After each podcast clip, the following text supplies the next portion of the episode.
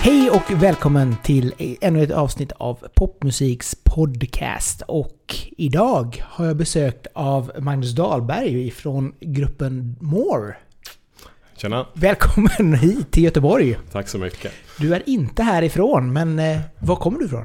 Eh, jag är från Njutånger i Hälsingland, eh, en liten ort utanför Hudiksvall. Eh, och det är ju ett ganska roligt eh, ortsnamn då, Njutånger, ganska fördoms eller motsägelsefullt. Och det är många som inte ens tror på mig att jag är ifrån den orten, att den ens existerar. Så att, eh, men den gör det och jag bor där och det är helt fantastiskt. Så varje gång du säger vart du kommer ifrån så är det minst en googling på namnet. Ja, definitivt. Jag har till och med eh, gett bort mina kroppkakor på en festival till en kille som inte trodde att jag kom från Njutånger. Så du får dem av mig. Om Oj. du bara kan köpa att jag är från Njutånger. Men du, som inte som Blekingebo så gillar du kroppkakor? Absolut, jag tycker det är hur gott som helst. Det är faktiskt fruktansvärt gott. Man blir extremt mätt. Ja, det blir man. Och det, jag gillar ju Peter Palt också, så det, det går ju lite hand i hand med... Ja, då har du ju hela, hela kittet där. Eh, Men vad, vad för dig till, till Göteborg? Ja, nej men delvis är det ju att få träffa dig. Det är Ja. ju helt fantastiskt trevligt. Eh, sen har jag en bror som bor i Trollhättan, så jag passar på att hänga lite med honom också. Ah, trevligt. Så att, Så han har eh, kommit ner till västkusten i alla fall. ja, han har väl bott där, ja, jag vet inte hur många år det är nu, det är väl säkert, jag börjar nog närma sig 30 år tror jag. Trevligt. Ja, Ja, nej men Trollhättan är fint. Jag gillar det. Och just det här med fallet och allting. Alltså det är väldigt, väldigt fin stad. De har verkligen fått till det väldigt bra. det kan jag hålla med om. Ja, det så att, eh, det, det kan man tänka är nice. Eh, som sagt var, eh, ett eh, album är precis släppt. Eh, appraisal, säger man väl kanske? Jajamän. Ja, värdering, som du var tvungen att googla fram också. För det var ett ord som jag inte riktigt hade... Inte riktigt hade lärt mig i glos, bland glosorna i skolan. Nej, Men eh, så att som eh, alternativ ja, synt pop kan man säga. Åt det hållet. Ja, men det kan man nog säga. Ja. Det är väl en ganska bra beskrivning. En ganska mörk syntpop. Alternativ, ja jo men det, du fick nog in allting i Ja, den. men det, ja, det känns som det. Men vi kan, vi kan börja lite grann från... Vi börjar med dig i och med att det är du som är här och så får du liksom lite grann representera hela bandet. Men vi börjar med din bakgrund lite grann, musikbakgrund. Mm. För man börjar ju alltid någonstans med det här vad, varför man börjar med musik. Och när började du liksom spela musik eller sjunga eller vad det nu var? Ja, nej men jag var ganska sen i livet med att börja sjunga. Ehm, Jag, har en, eh, en, en kär far som är mer eller mindre tondöv.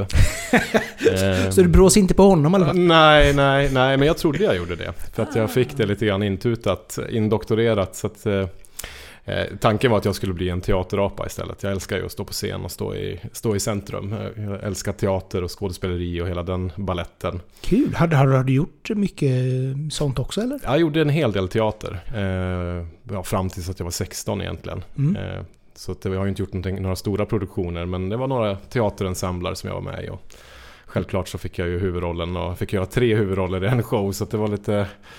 Ja, det gick bra. Jag tyckte det var jättekul. Jag tog för mig helt enkelt. Kul! Sen om det var något vidare värst bra, det kan jag väl inte kanske själv bes- beskriva men jag vill tro att jag hade någonting rätt i alla fall som fick det eh, förtroendet. Men hur som helst så eh, när jag var 16 så hängde jag med några gamla kamrater nere vid en brygga. Och de hade precis varit på eh, Hultsfredsfestivalen. Ah. Och det här var 98. Jo, 98. Och de hade bestämt sig för att bilda ett band. Och eh, de behövde en trummis. Så jag kommer ihåg när vi satt där på den här bryggan och jag fick prova om jag kunde hålla takten med fingrarna och trumma på, på sätet. Och det gick ju jättebra. Så att ja, du får vara trummis. Oj, det var bästa liksom arbetsintervju någonsin. Så här, kan du göra det här? Hur många fingrar? Tre? Okej, bra, tack. Kör. Du får jobbet. Ja, nej men och det, och det var ju katastrof. För att jag, jag går ju väldigt mycket utåt med fötterna. Så att jag har lite svårt med både takt och hela den. Eh, Så jag tog på mig en lite för stor kostym kan man säga.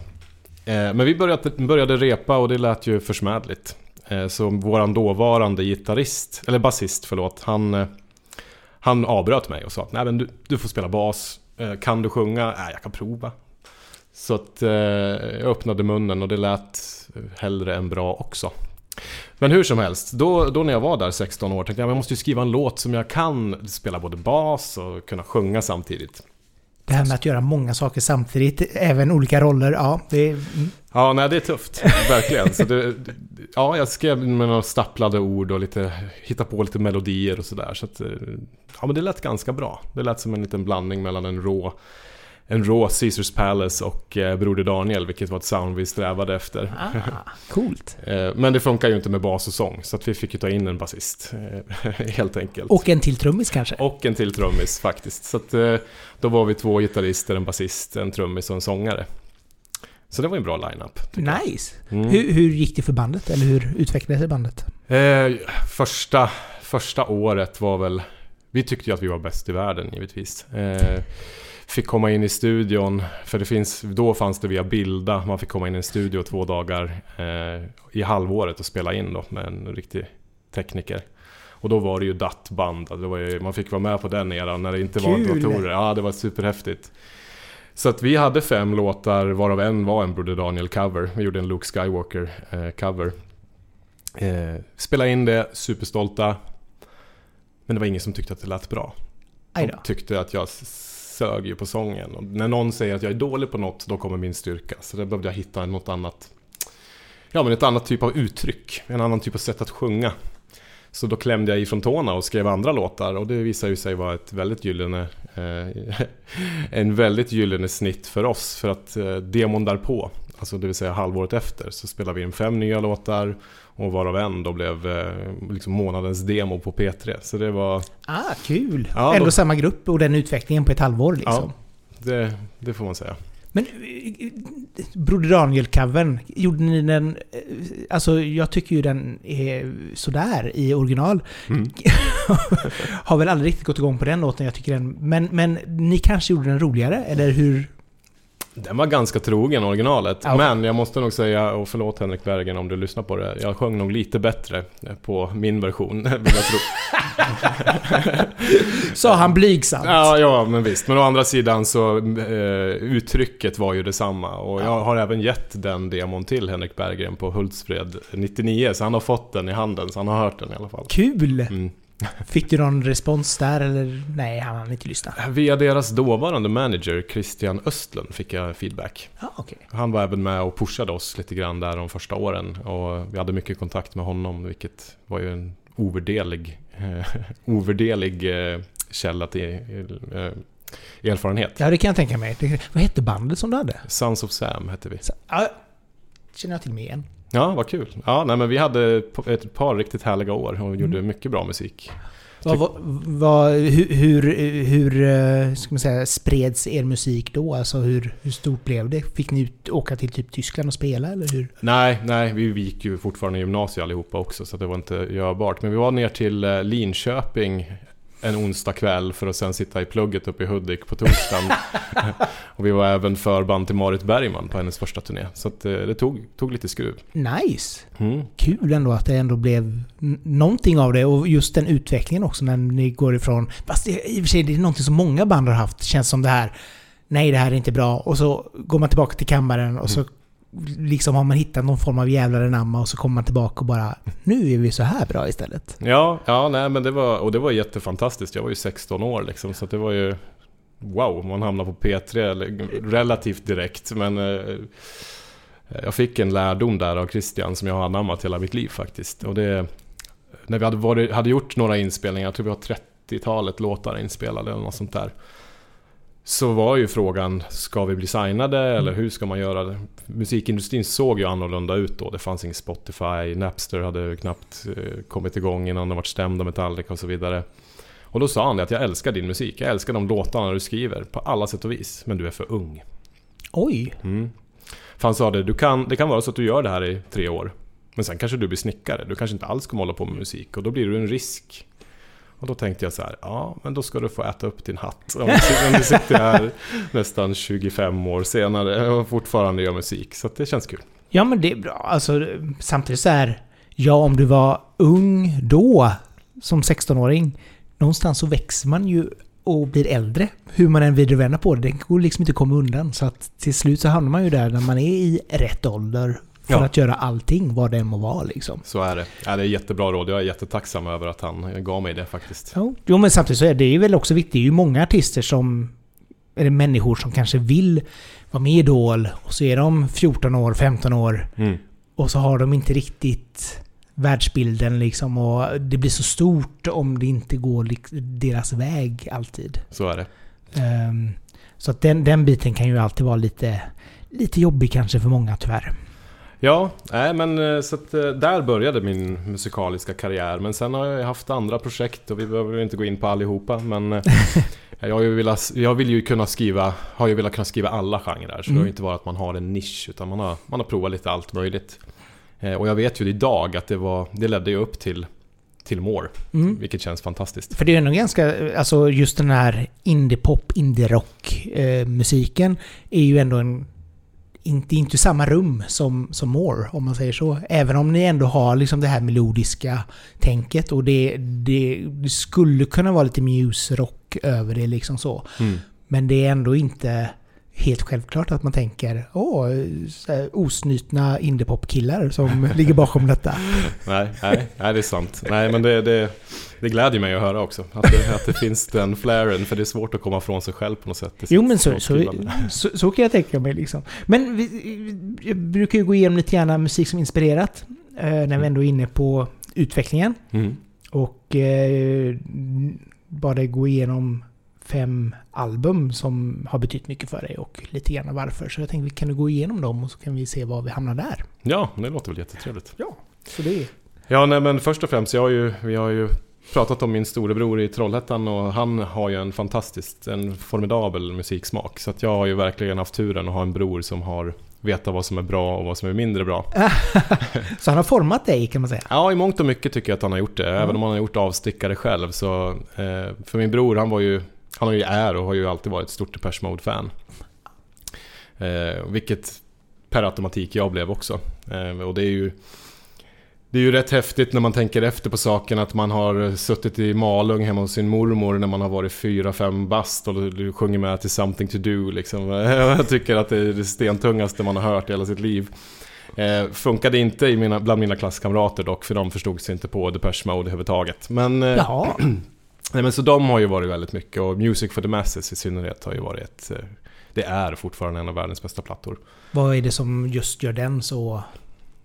Ja, jag, jag tycker nog hela kompositionen av den är ju så helt fantastisk. Eh, och jag menar, det finns ju godbitar, gamla klassiker som Never Let Me Down. Att man väljer att öppna en, liksom ett album med Never Let Me Down, det tycker jag är riktigt, det är stenhårt. Mm. Och följa upp med Things She Said och så vidare. Det, nej, jag tycker det, det, det är ett, ett kulturarv arv av dess rang. Eh, Har du sett dem live? ja, många gånger. Även på, på Arvika kanske? Ja, jag såg den. Ja, Den 90... Nej, vad var det? 2008? Eller? 2009. 2009. Inte den bästa konserten de har haft. Kan man säga. Nej, Det var verkligen så alla var verkligen så här. Vad händer nu? Ja, de gjorde sig inte rätt i Arvika. Nej, så tur var såg vi dem sedan på deras Greatest Hits-turné några år senare. Och då var det ju liksom... Då var det party. Mm. Då var det roligt. Men i Arvika var det verkligen bara... Mm.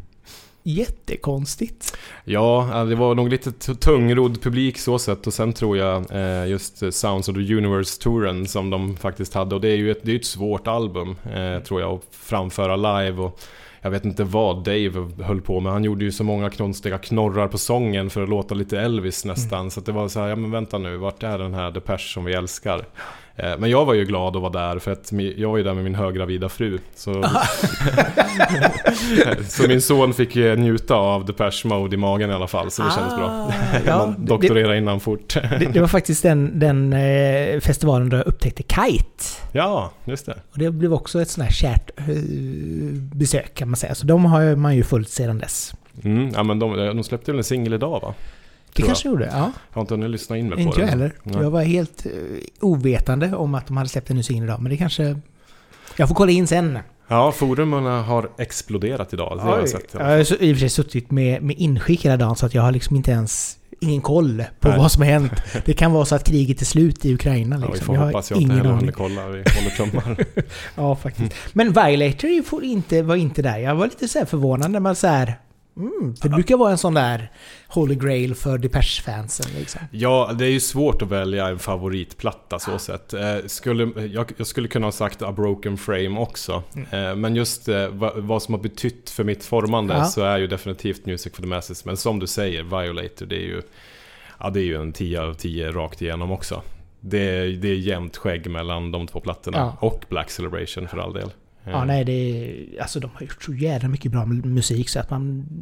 Det är verkligen imponerande när man kollar tillbaka på deras katalog. Ja, Hur, hur fantastisk den är liksom. Så att, jag håller kvalitet. ja, ja, absolut. Alltså, Det är kanske de senaste albumen som man har varit så här lite grann... Ah, inte jätteroliga, men Nej. då.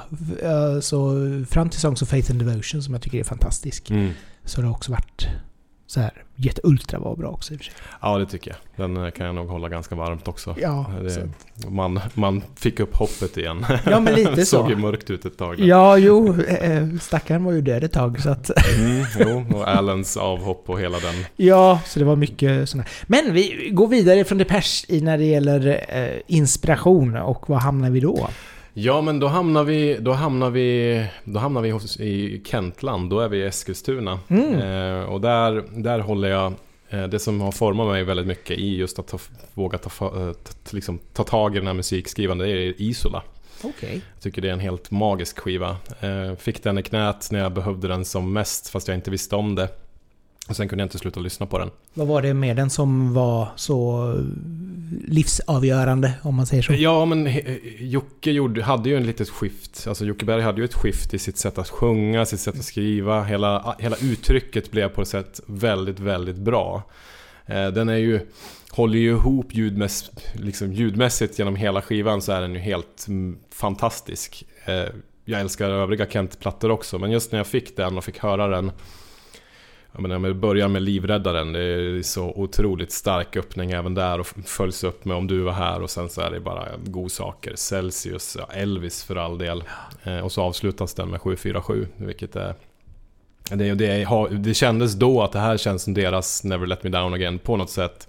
Man kunde se armar i luften och det anammar de ju sedermera också i turnén för den, plattan. Så det är ju lite kul. De Absolut. gillar ju Depeche Mode också, vilket gav, jag, då älskar man ju Kent liksom. Ja, de körde ju eh, Stripped Ja, på turnén. Mm. Eh, och han presenterade den som att nu ska vi sjunga världens bästa låt och det är inte vår.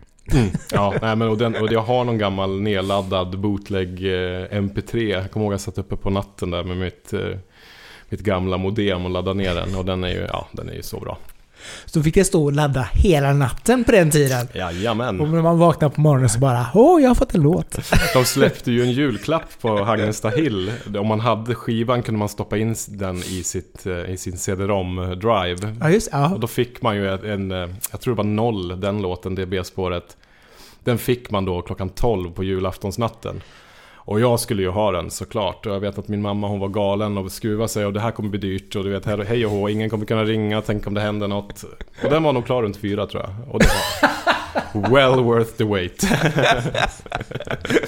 Åh, såna härliga tider med de här CD-ROM-grejerna som man alla skulle lägga in såna här videor och hej och hå. Det var kopieringsskydd och det var det ena med det tredje och ingenting funkade och allting blev bara så här halvbra till slut. Ja, men man såg tjusningen med internet ganska tidigt. Att det fanns möjligheter till det. Potential, det var inte bara liksom så här ko- kolla nyheterna eller eh, pizzamenyn utan det verkligen hände mer. Det blev inte bara en fluga. Ja, du kunde ju få ett eh, fullt fungerande spel om du köpte en påse Polly till exempel. Ja.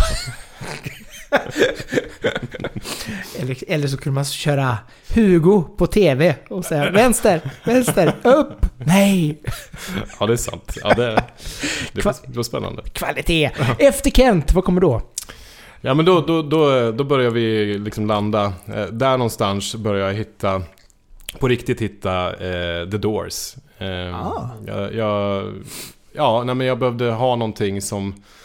Ja, men poesi. Jag älskar, jag älskar Jim Morrisons poesi. Och jag älskar sättet han skriver sina texter och jag älskar hur de komponerar ihop det till, eh, till det de gjorde. Eh, jag satt i en intervju för några veckor sedan och då fick jag just frågan eh, om du kunde om du kunde göra någonting tillsammans med en artist, levande död, vilken skulle du välja? Eh, och då Tyvärr sa jag Johnny Cash för att put on the spot, men jag bara nej, varför sa jag inte Jim Morrison? Varför sa jag inte det? Men Johnny Cash är ett bra alternativ ändå, tycker jag, för det skulle jag kunna tänka mig. Eh, men, men där har du ju deras första skiva, den är ju också mm, fenomenal. Ja. Break On Through, Soul Kitchen, Crystal Ship. Ja, det är bara så mycket godis på den skivan. Ja, det The. End är ju fantastiskt. Ja, ja visst, visst. Och det är mycket därför de avslutade den skivan med The End och vi, ja, vi började faktiskt våran platta med första skiva med en låt som heter The End för det tyckte jag var lite kul. En liten hommage. Ja, men lite, till- lite så faktiskt. Doors. Efter Doors, vad har vi då? Då har vi Broder Daniel. Mm? Eh, och det, Broder Daniel, det är ju lite samma där. Jag, jag skulle kunna välja alla tre eller alla fyra skivor, men just eh, deras andra skiva, alltså deras självtitlade skiva Broder Daniel, Broder Daniel. Eh, den är så bra på så, så många plan. För delvis ifrån när vi började, jag började göra musik så var det låtar från den skivan vi gjorde covers på. Förutom Luke Skywalker. Eh, och många av de låtarna, ja men Sorrow till exempel, den är ju helt fantastisk. Eh, The Young and the Old är också en riktigt god bit tycker jag.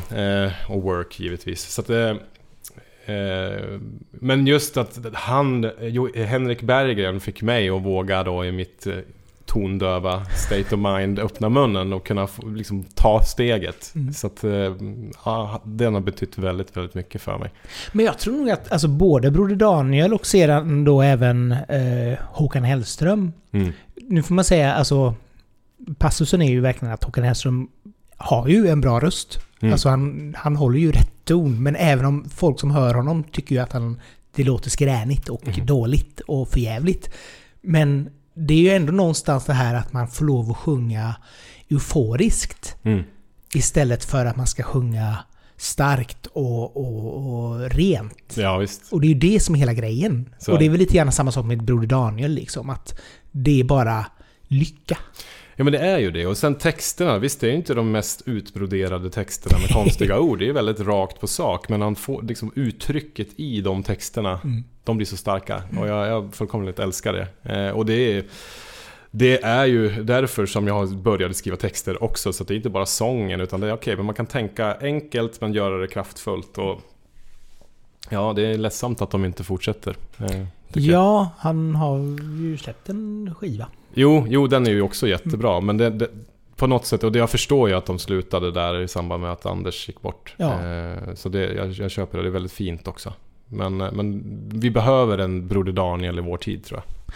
Ja, och framförallt så kommer det kanske en ny Broder Daniel. Alltså någonstans så är det ju inte den artisten troligen som vi kanske lyssnar på i och med Mm. att det brukar väl vara väldigt mycket ungdomsartister. Man är, ja, går i skolan, går på universitet eller vad det nu är och så kommer det någon grupp som släpper en låt som någonstans bara formar en hel generation. Så är det, det är sant. Och så att vi får bara vänta på att det har hänt och bara åh ja, vad kul för er. Ja, min son blir ju 13 så det är väl dags för honom att Ja, börja. han kommer att hitta den här. Sist men inte minst på din lista. Eh, ja, men sist men inte minst, då har vi Granddaddy, eh, The Software Slump. Också en sån där fenomenalt bra skiva. Eh, Den senaste skivan också på, i samlingen.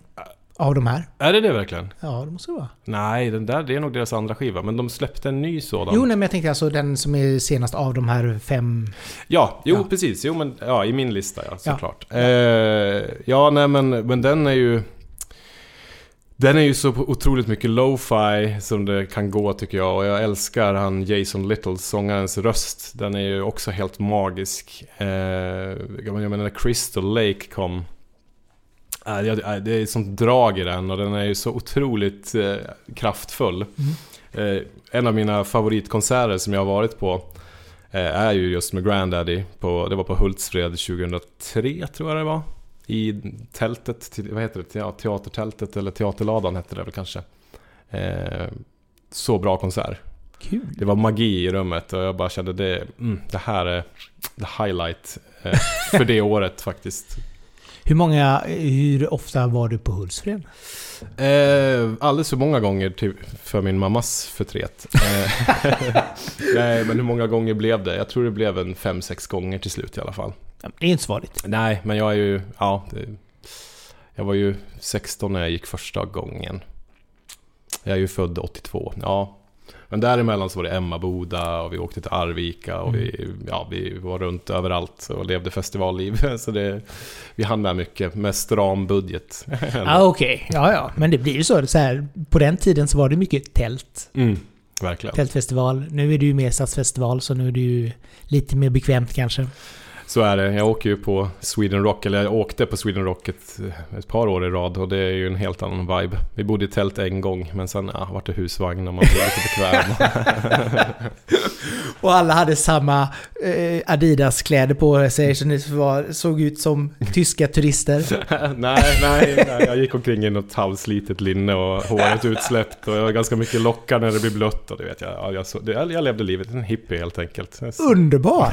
Jag har faktiskt aldrig varit på Sweden Rock. Det är inte riktigt min musik. Men det hade varit väldigt roligt att vara där ändå. För det känns ändå som att...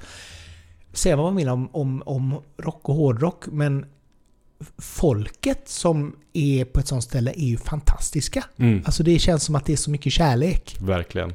Och så har de ju toaletter som man kan spola i också. Det är en bra sak. Ja, det är väldigt bra. Framförallt. Så att det, det kan vi lika. Eh, vi går in på More. Hur bildades gruppen? Ja, nej men det är en ganska rolig historia för jag känner ju egentligen inte mina kära bandmedlemmar från början. Utan eh, det var, det var slumpen som avgjorde det. Eh, för då, Lino och Mattias då i, i bandet, de har, de har känt varandra sedan ungdomen. Ah. Så de är ju barndomskompisar. Och de hade, ja men de hade skapat musik till och från. I, träffat sin stuga ut, i Öttervik utanför Nyköping och liksom tagit en grabbhelg, skapat musik, druckit bärs, grillat, du vet. Bara levt livet bort från vardagen lite grann. Eh, och de hade gjort en herrans massa fantastisk instrumentell musik. Eh, helt fantastisk. Och, men de kände någonstans att de, ja, men de, de fastnade. Det, det, det liksom det, ja, de åkte ner, de träffades, de skapade. Men det var någonting som fattades. Eh, så de la ut en eh, annons på Facebook. Eh, band, Meet eller något sånt där på Facebook. Och jag befann mig i en skrivkramp och kände att jag måste, jag måste, i och med att jag brukar komponera och skriva, jag brukar göra hela paketet egentligen. Och jag kände att jag, jag, jag vet inte hur jag ska kunna komponera någonting nytt och jag, då kan jag ju inte heller skriva någonting nytt. Eh, så jag gick ut och kollade lite grann och så såg jag, ja men vi är ett syntband. Eh, vi söker en sångare och låtskrivare. Eh, och jag tänkte, ja men det låter ju lite spännande. För synt är just, eftersom jag älskar Depeche Mode, det är ju mina husgudar. Jag har inte velat tagit i det för det har känts lite för nära hem. Det kan lätt bli att man seglar iväg. Men jag tänkte, ja ja, det är ju en genre jag älskar. Så gick jag in på Mattias profil, eh, profil då, där på Facebook och då hade han just A Broken Frame som, som header på sin profil. Jag Ah. ah. okej, men det här kan vara någonting väldigt intressant. För det, ju- det där är en av mina favoritskivor genom tiderna. Eh, så jag kontaktade dem och de var ju glada att någon överhuvudtaget svarade, som det verkar i alla fall. Eh, så jag fick hela deras katalog skickad till mig. Och det var ju magi, allting lät ju hur bra som helst. Och det är, det är ju ofta också de låtarna som, eh, som majoriteten av dem i alla fall ligger på debutskivan. Så att det är ju egentligen låtar som har funnits i tio år. Eh, som jag då har skrivit melodier och text till.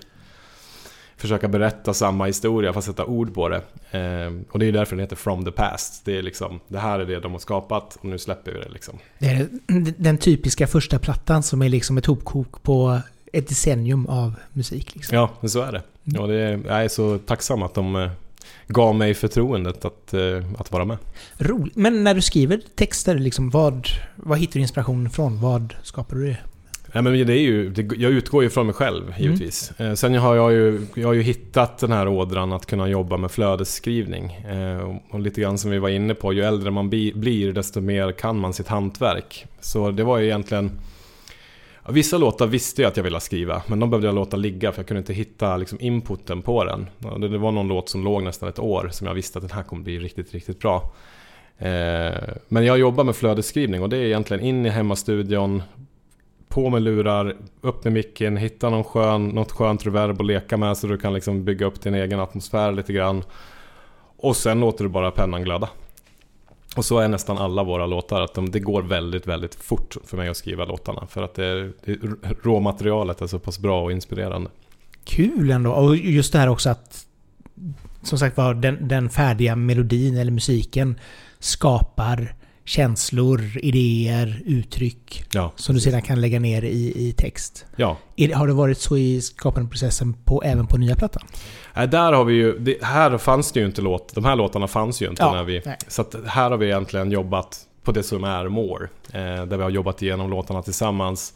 Eh, oftast har det ju kommit ett embryo ifrån Mattias eller från eh, Lino. Eh, och så har jag ju har jag börjat jobba på dem.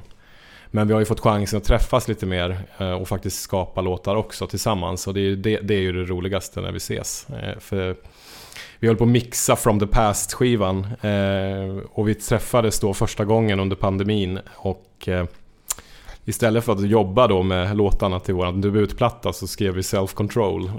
Och då visste vi att det här, kommer, det här soundet, det ska vi ha på nästa skiva. Så Ah, vi började redan kul. där och tänka, hur kommer nästa skiva låta?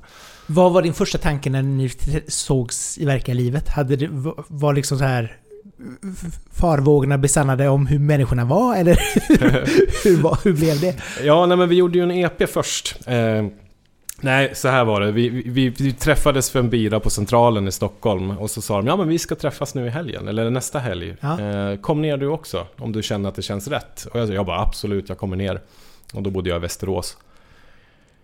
Och så kom dagen närmare och jag bara kände, åh nej, tänk om jag inte kan skriva. Tänk om skrivkrampen ligger där nu som en slöja och så kommer jag ner och så kommer det inte ut någonting. Så jag vart lite nervös, jag sjukanmälde mig och sa, äh, tyvärr, jag kan inte komma. Oj. Ja, alltså, men de åkte ju ner och de började ju jobba på ett embryo. Så de, men jag var ju med på våran chatt, så de skickade bara, "Ah, men det här håller vi på att jobba på nu liksom. Och det var en låt som heter Echo Unfriendly som är öppnaren på våran EP. Och jag satt där ute på min uteplats och lyssnade på den och kände oh, det här behöver jag vara med på liksom. Så jag bara kastade mig in i bilen och körde ner eh, till Öttervik.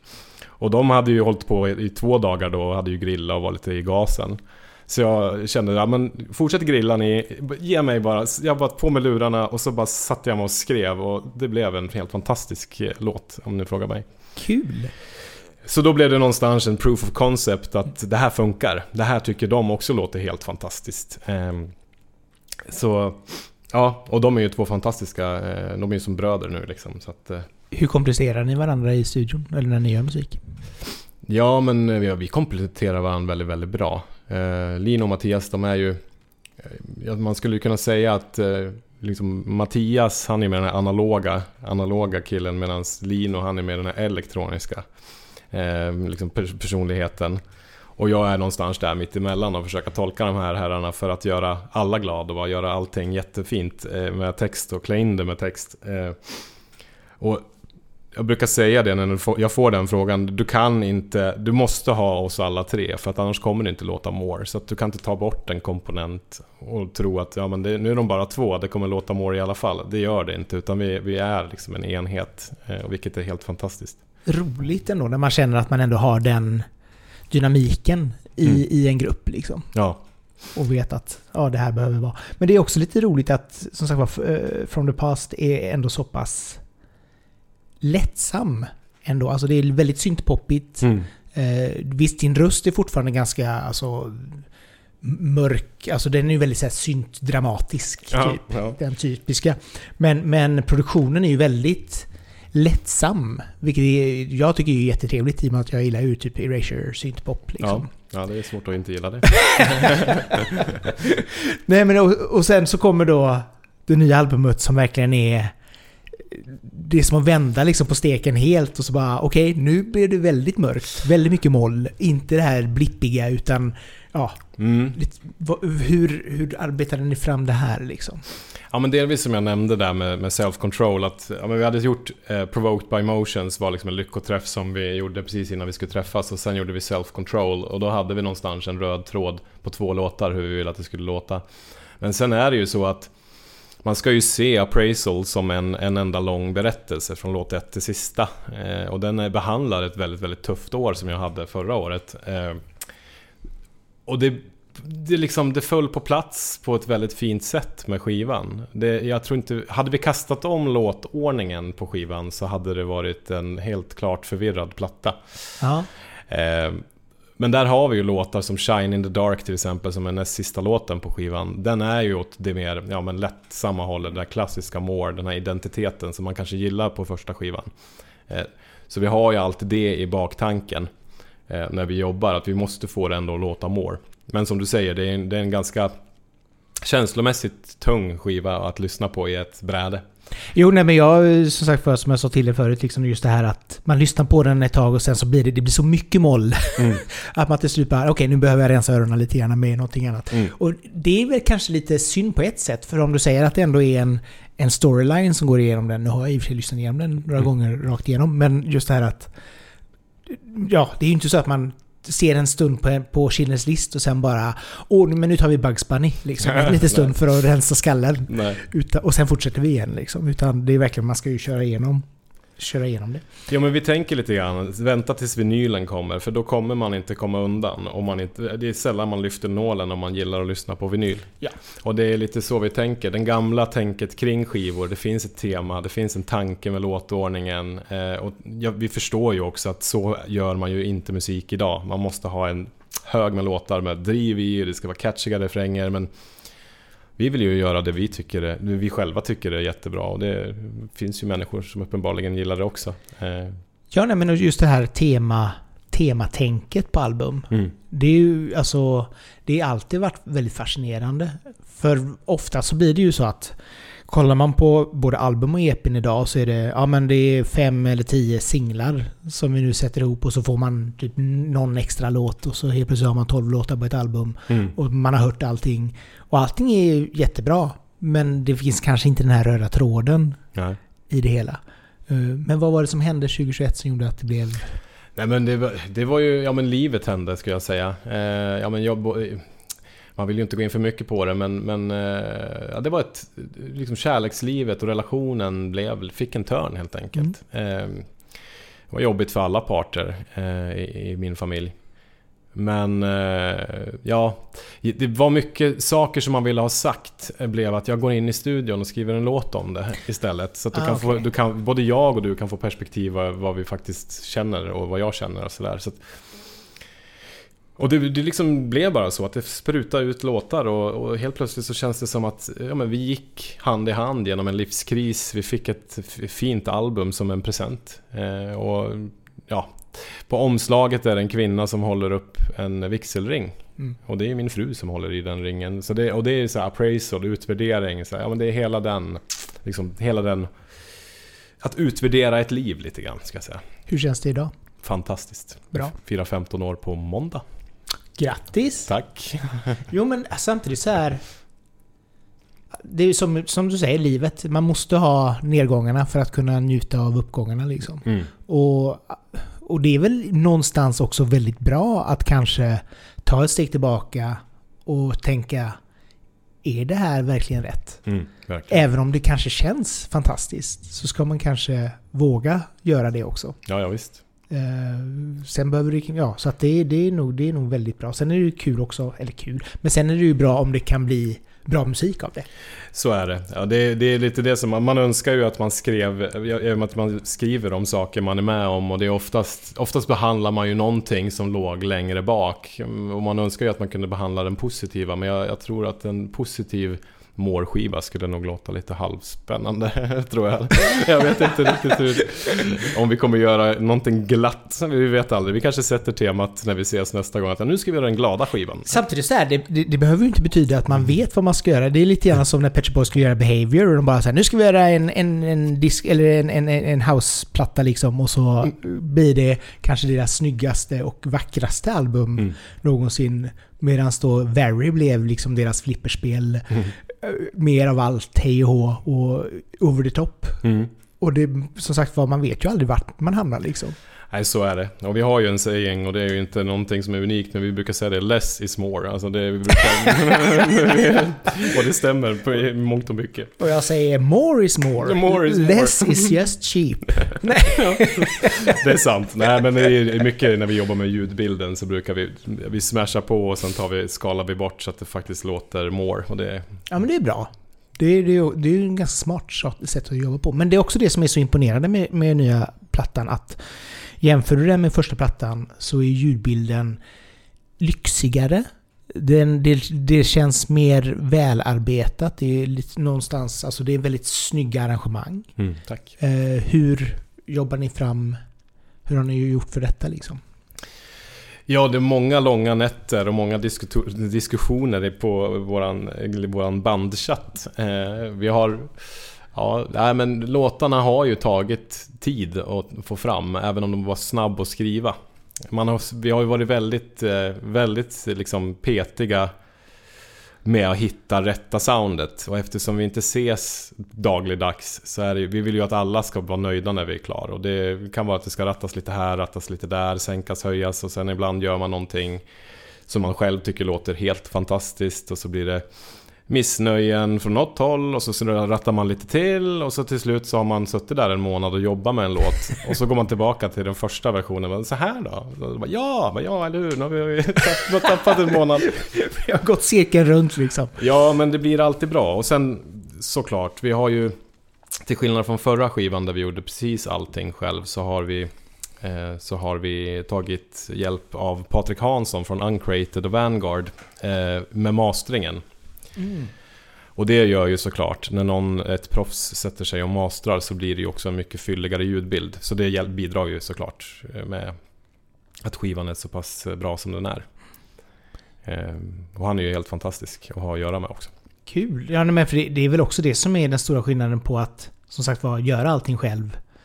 Det är de här sista centimetrarna mm. för att nå den här nya nivån. Ja. Som gör att wow, det blir ja, det blir, det blir mycket fylligare, det blir mycket snyggare liksom. Ja men så är det. Man, man eh, blir lätt hemmablind om man gör precis allting. Också. Ja, jo, jo, men så kan det vara.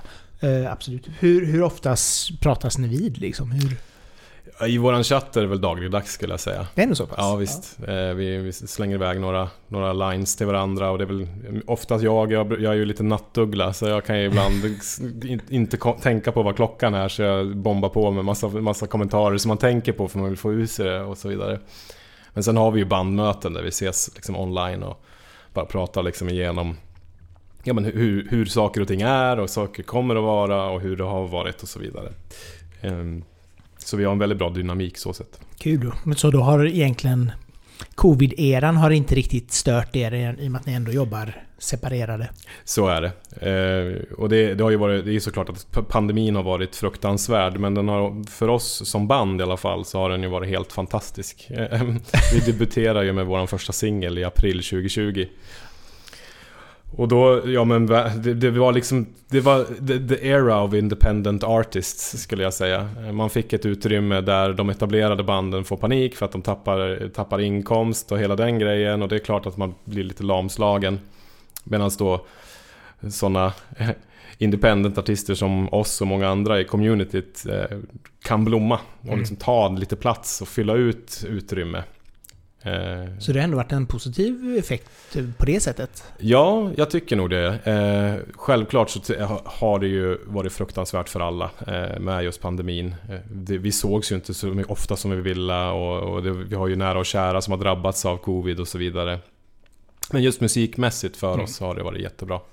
Kul! Det är i och för sig alltså en intressant aspekt på det hela. Att, att, som du säger, liksom att independent-artisterna kan komma fram på ett helt annat sätt. Mm. Även om de inte kan spela live, för det har ju också varit den stora snackisen liksom. Mm. Vad händer med livescenen och så vidare.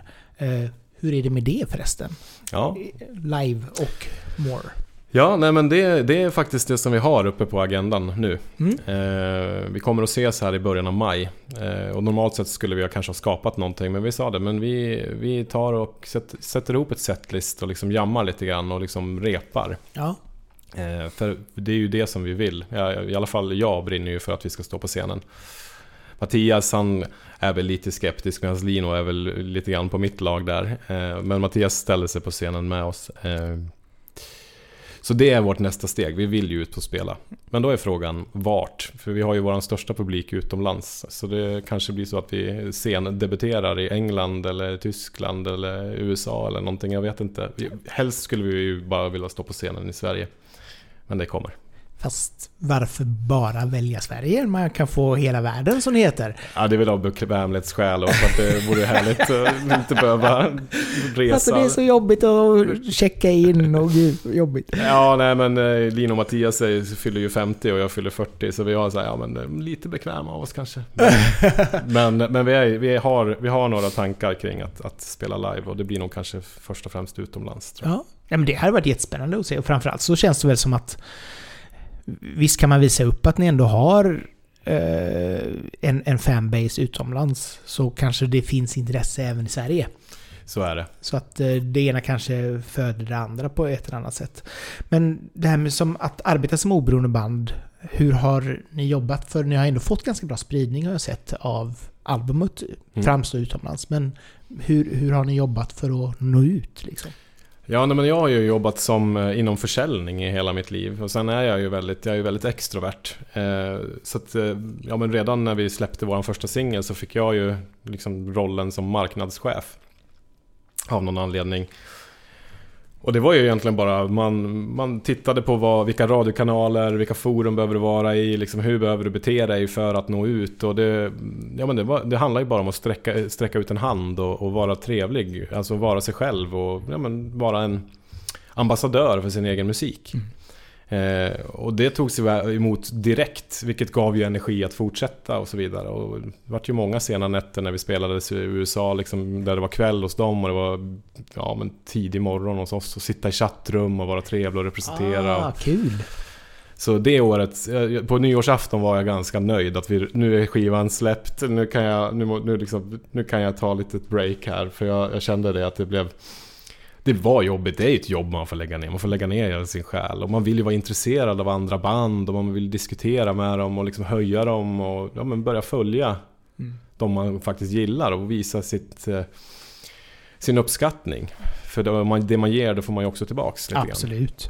Alltså, och just med sociala medier och, och med hela det forumsdelen. Eh, Mm. det är ju så lätt att bara med att gilla någonting ge någonting till någon annan. Ja, visst. Alltså det är inte så att man behöver trycka in massa pengar eller göra någonting speciellt. Utan det är verkligen bara en gilla-knapp. Mm. Och så har det hjälpt den artisten ganska Ja, det mycket. värmer ju jättemycket. Ja, Det, så är det. Och vi var i London, jag och min fru här i början av mars. Eh, och vi hamnade på en liten halvobskyr eh, konsert. Eh, fantastisk konsert med tre olika band. Och, I en liten förort till London egentligen. Eh, och när jag kommer dit, så jag visste att en av mina favorit-DJs skulle vara där. Så det var ju lite därför vi åkte dit också. Eh, Rob Harvey heter han Mm. i London. Eh, så att det vore kul att träffa honom när vi ändå är där. Så att han bara, "Ja, men jag ska på den här konserten, okej vi bokar biljetter, vi går dit. Och så var vi där och det var jättetrevligt på alla sätt och vis. Men så kom den ena, ena ra- radio-DJn efter den andra. Liksom, bara, What's your name? Bara, ja, it's Magnus. If I say capital M, capital O, capital A, capital E, is that that Magnus? Sen bara yes, bara, oh my god! Kul! Ja, jag bara okej. Var, ja, det, var, det var helt absurt liksom. Killen från Njutånger åker till London och sen står man bland massa kompisar som har spelat eh, oss på radion ganska flitigt. roligt ändå. Mm, ju- Men vart, är, vart har ni er största fanbase om man säger? Eh, jag skulle nog säga att det är en blandning mellan USA, England och Tyskland ska jag säga. Det är ändå, ja. Mm. Men Sverige börjar, börjar vakna, vilket vi är jätteglada för. Eh, Sakta men säkert Ja. så vaknar eh, depp, depp-synt-poppen även här. ja, precis. Jag hoppas det i alla fall. Det vore jättekul. Ja, jo, men fasen det är ju en bra platta och som sagt var det man har hört med även den första plattan är ju också grym så att det känns som att det borde finnas underlag för det även här. Ja, och det, jag, jag, jag brinner, ju, brinner ju för att sjunga de där låtarna. För vi, vi, vi lägger egentligen inte, vi lägger inte någon autotune på sångerna. Och vi, jag har ett sätt när jag spelar in att har jag inte satt låten hela låten igenom så tar jag om den tills jag sätter den helt igenom. För Ja, att, okej. för att jag, jag, du får olika energier för alla tagningar. Och är det så att du tar, som säkert många gör, och det, jag respekterar alla som jobbar på det sättet, men om du lägger en mening om och om igen tills du får den perfekta meningen, och så ska du lägga nästa mening, så behöver inte det betyda att energin är densamma. Nej. Eh, så därför känns det så himla kul att få bara gå ut på scenen och bara dundra på med låtarna och bara sjunga hjärtat av sig. Det vore helt fantastiskt. Och där får du ju inte lov att ta om överhuvudtaget. Utan Nej. där ska du verkligen sitta och blir det sådär en gång så blev det sådär. Och så Ja, blev det fantastiskt. Men ofta så är man väl så full av adrenalin och annan energi Mm. när man väl står där så att det Ja. går bara farten liksom. Ja men även en pubspelning med något coverband, även om det låter försmädligt så är det ju ändå energi som går ut i universum. Det, det går Ja. liksom inte att ta tillbaka om det låter kast, men det är ju, man står där och brinner liksom. Ja. Eh, Men nu tror jag att det kommer nog att låta väldigt trovärdigt eh, skivan faktiskt. Jag känner mig trygg. Kul! Ja, det ska bli spännande att se om, om ni, hamnar på turné även här i Sverige. Det var roligt. Ja, kanske. Ja, vi får se vad som är. Men kör du... Många artister och sånt, eller personer, de kan ju ha liksom ett projekt som då är more i ditt fall. Har du fler musikprojekt? Nej, eh, jag har varit, så har jag varit i hela mitt musikaliska liv har jag ju varit väldigt trogen det band som jag, som jag är i för stunden. Eh, nu har jag inte några planer på att starta något annat projekt, men däremot så har jag fått äran att samarbeta med... Eh, ja, men då, folk har frågat mig om jag vill lägga kör på vissa låtar. Eh, vi har ett band från USA som heter Blacklight, där, där, där lägger jag liksom stämmor på en av deras låtar från deras senaste platta. Ett tyskt band som är på uppsprång som heter Beyond Border. De bad mig skriva en låt på svenska för att de har satt ihop ett... Eh, de har gjort ett projekt med sitt band där alla får samma låt från olika länder och skriva på sina egna språk. Kul! Som hopp kommer nu förhoppningsvis i slutet av maj som heter Perfektion, världen brinner. Men sen har jag ju tre andra eh, band som har, ja men de har sträckt ut en hand och har fått, fått liksom det råmaterialet och det är ju kul, det kan jag ju göra. Men då gör jag ju inte det som att det ska vara för att Magnus Dahlberg ska skina utan jag vill ju, då får, lägger vi fokuset på More så att jag gör ju det för bandets skull. Så. Ja, okej. så då blir det more featuring eller bla, bla, Ja, bla. precis, exakt. Ja, men det är ju smart i och för sig, för då blir det ju ändå någon form av synergieffekt också. Att man promotar sitt band på det sättet. Så är det, jag har inget intresse på det sättet att pu- pusha mig själv utan jag vill ju pusha More. Så att, eh, Mm.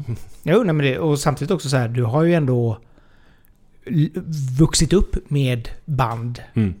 Eller har du gjort någon, någon sologrej också? Eh, nej men det, jag ha, har, ju, har ju ett singer-songwriter-projekt men eh, ja, det, ja, vad ska man säga om det? Vi blev ju ett band till Ja. slut. Det, det är också ett roligt projekt där jag jo- jobbade med främlingar. Det, det, tillkom personer hela tiden och sen så var vi Simple Broken Boy vilket eh, jätte, jättemysig mysig skiva. Vi gjorde en skiva som jag är jättestolt över. Så. Kul! Mm. Många sådana musikprojekt genom hela, hela livet känns det som. Ja, jo, nej men det, man vill ju smaka på allt. Jo, men det kan jag tänka mig också. Och framförallt så blir det också roligt att eh, utveckla sig, att hitta nya sätt att uttrycka sig på. Och allting behöver Mm. inte vara stöpt i, i en och samma form liksom. Hela Tiden. Exakt, man gör de här 10 000 timmarna och får smaka på allt. Ja, men, ja, men det, det är nog bra för de flesta tror jag. Även, eh, även Per Gessle. Han har ju ändå haft många olika projekt Ja, det har han. genom, genom åren. vad, vad känner du om framtiden för bandet? Mer än att ni vill ut och spela live. Hur känner du? Hur vill du fortsätta utveckla more framåt? Ja men eh, det, nu är det ju, nu njuter vi lite grann på vågen av nya skivan och liksom tar den här, vi har ju ändå jobbat ganska hårt med den det senaste året. Eh, det tog ett år och två månader att skriva färdigt och mixa färdigt allting. Och vi vet redan nu, tror vi i alla fall, vilken nästa singel kommer bli och det är ju inte någon från skivan. Så att eh, vi kommer att börja ta Eh, steget. För det var det vi sa när vi, anledningen att vi heter More var för att vi hade så, fick så mycket låtar väldigt, väldigt fort. Det bara, vart bara mer och mer och mer. Så att vi vill ju ha en ganska tät släppfrekvens. För att annars kan vi ju heta Less då. men, men, men hur den skivan kommer att låta, det är det som är så spännande i och med att det, det är liksom ett öppet blad. Det finns, finns ett antal låtar som inte pass, passade på Appraisal. Som eventuellt skulle kunna passa på en 3D-skiva. Men just det stora breda, det är, jag bara längtar att få skriva 3D-skivan. Kul! Ja, de säger ju att det är den som ska vara den svåraste också. För då Ja. har man någonstans... Ja, får man hitta ny energi och liksom bara okej, nu ska vi köra igång. Det är roligt att du säger det, för på vägen hit hade vi just en diskussion om tredje skivan och jag sa det att den tredje skivan är den mest spännande skivan för alla band. Just för det, för det du säger att eh, då har du hittat din form lite grann men du ska ju utveckla dig ytterligare så då, och här blir du lite mer fri och göra vad du vill men du måste också liksom ta hand om det du har byggt. Mm. Eh, Så att ja, jätteroligt. Vi hade exakt den diskussionen och du styrker bara min, min åsikt i den. Ja, ja, ja. Alltså det, det ni nu ska göra är Night at the Opera liksom. Ja, precis. Exakt så. Så, ja, får se hur, hur eran Bohemian Rhapsody blir. Mm. Den kan nog bli bra. Jag ser, fram, ser verkligen fram emot det. Det är en av världens bästa låtar. Magnus, jättesnällt att du kom hit och ville prata av dig lite grann med mig. Ja, men tack för att jag fick komma. Det är Ja. en stor ära att få sitta och prata med dig. Ja, tack. och som sagt var, eh, Mors album finns och streama där du streamar din musik just idag. Så att kolla in om du inte redan gjort det. Jättespännande album. Um, Appracial och även då From the Past som ni kan lyssna på. Som vanligt, prenumerera gärna på podden så får ni nästa avsnitt direkt ner i er poddapp. Och gillar ni det ni hör så ska ni såklart dela till era vänner och era ovänner så att de också får lyssna på detta. Det är ju alltid en snäll sak. Men ifrån ett regnsargat Hisingen så säger vi tack och hej. Hej då! Hej då!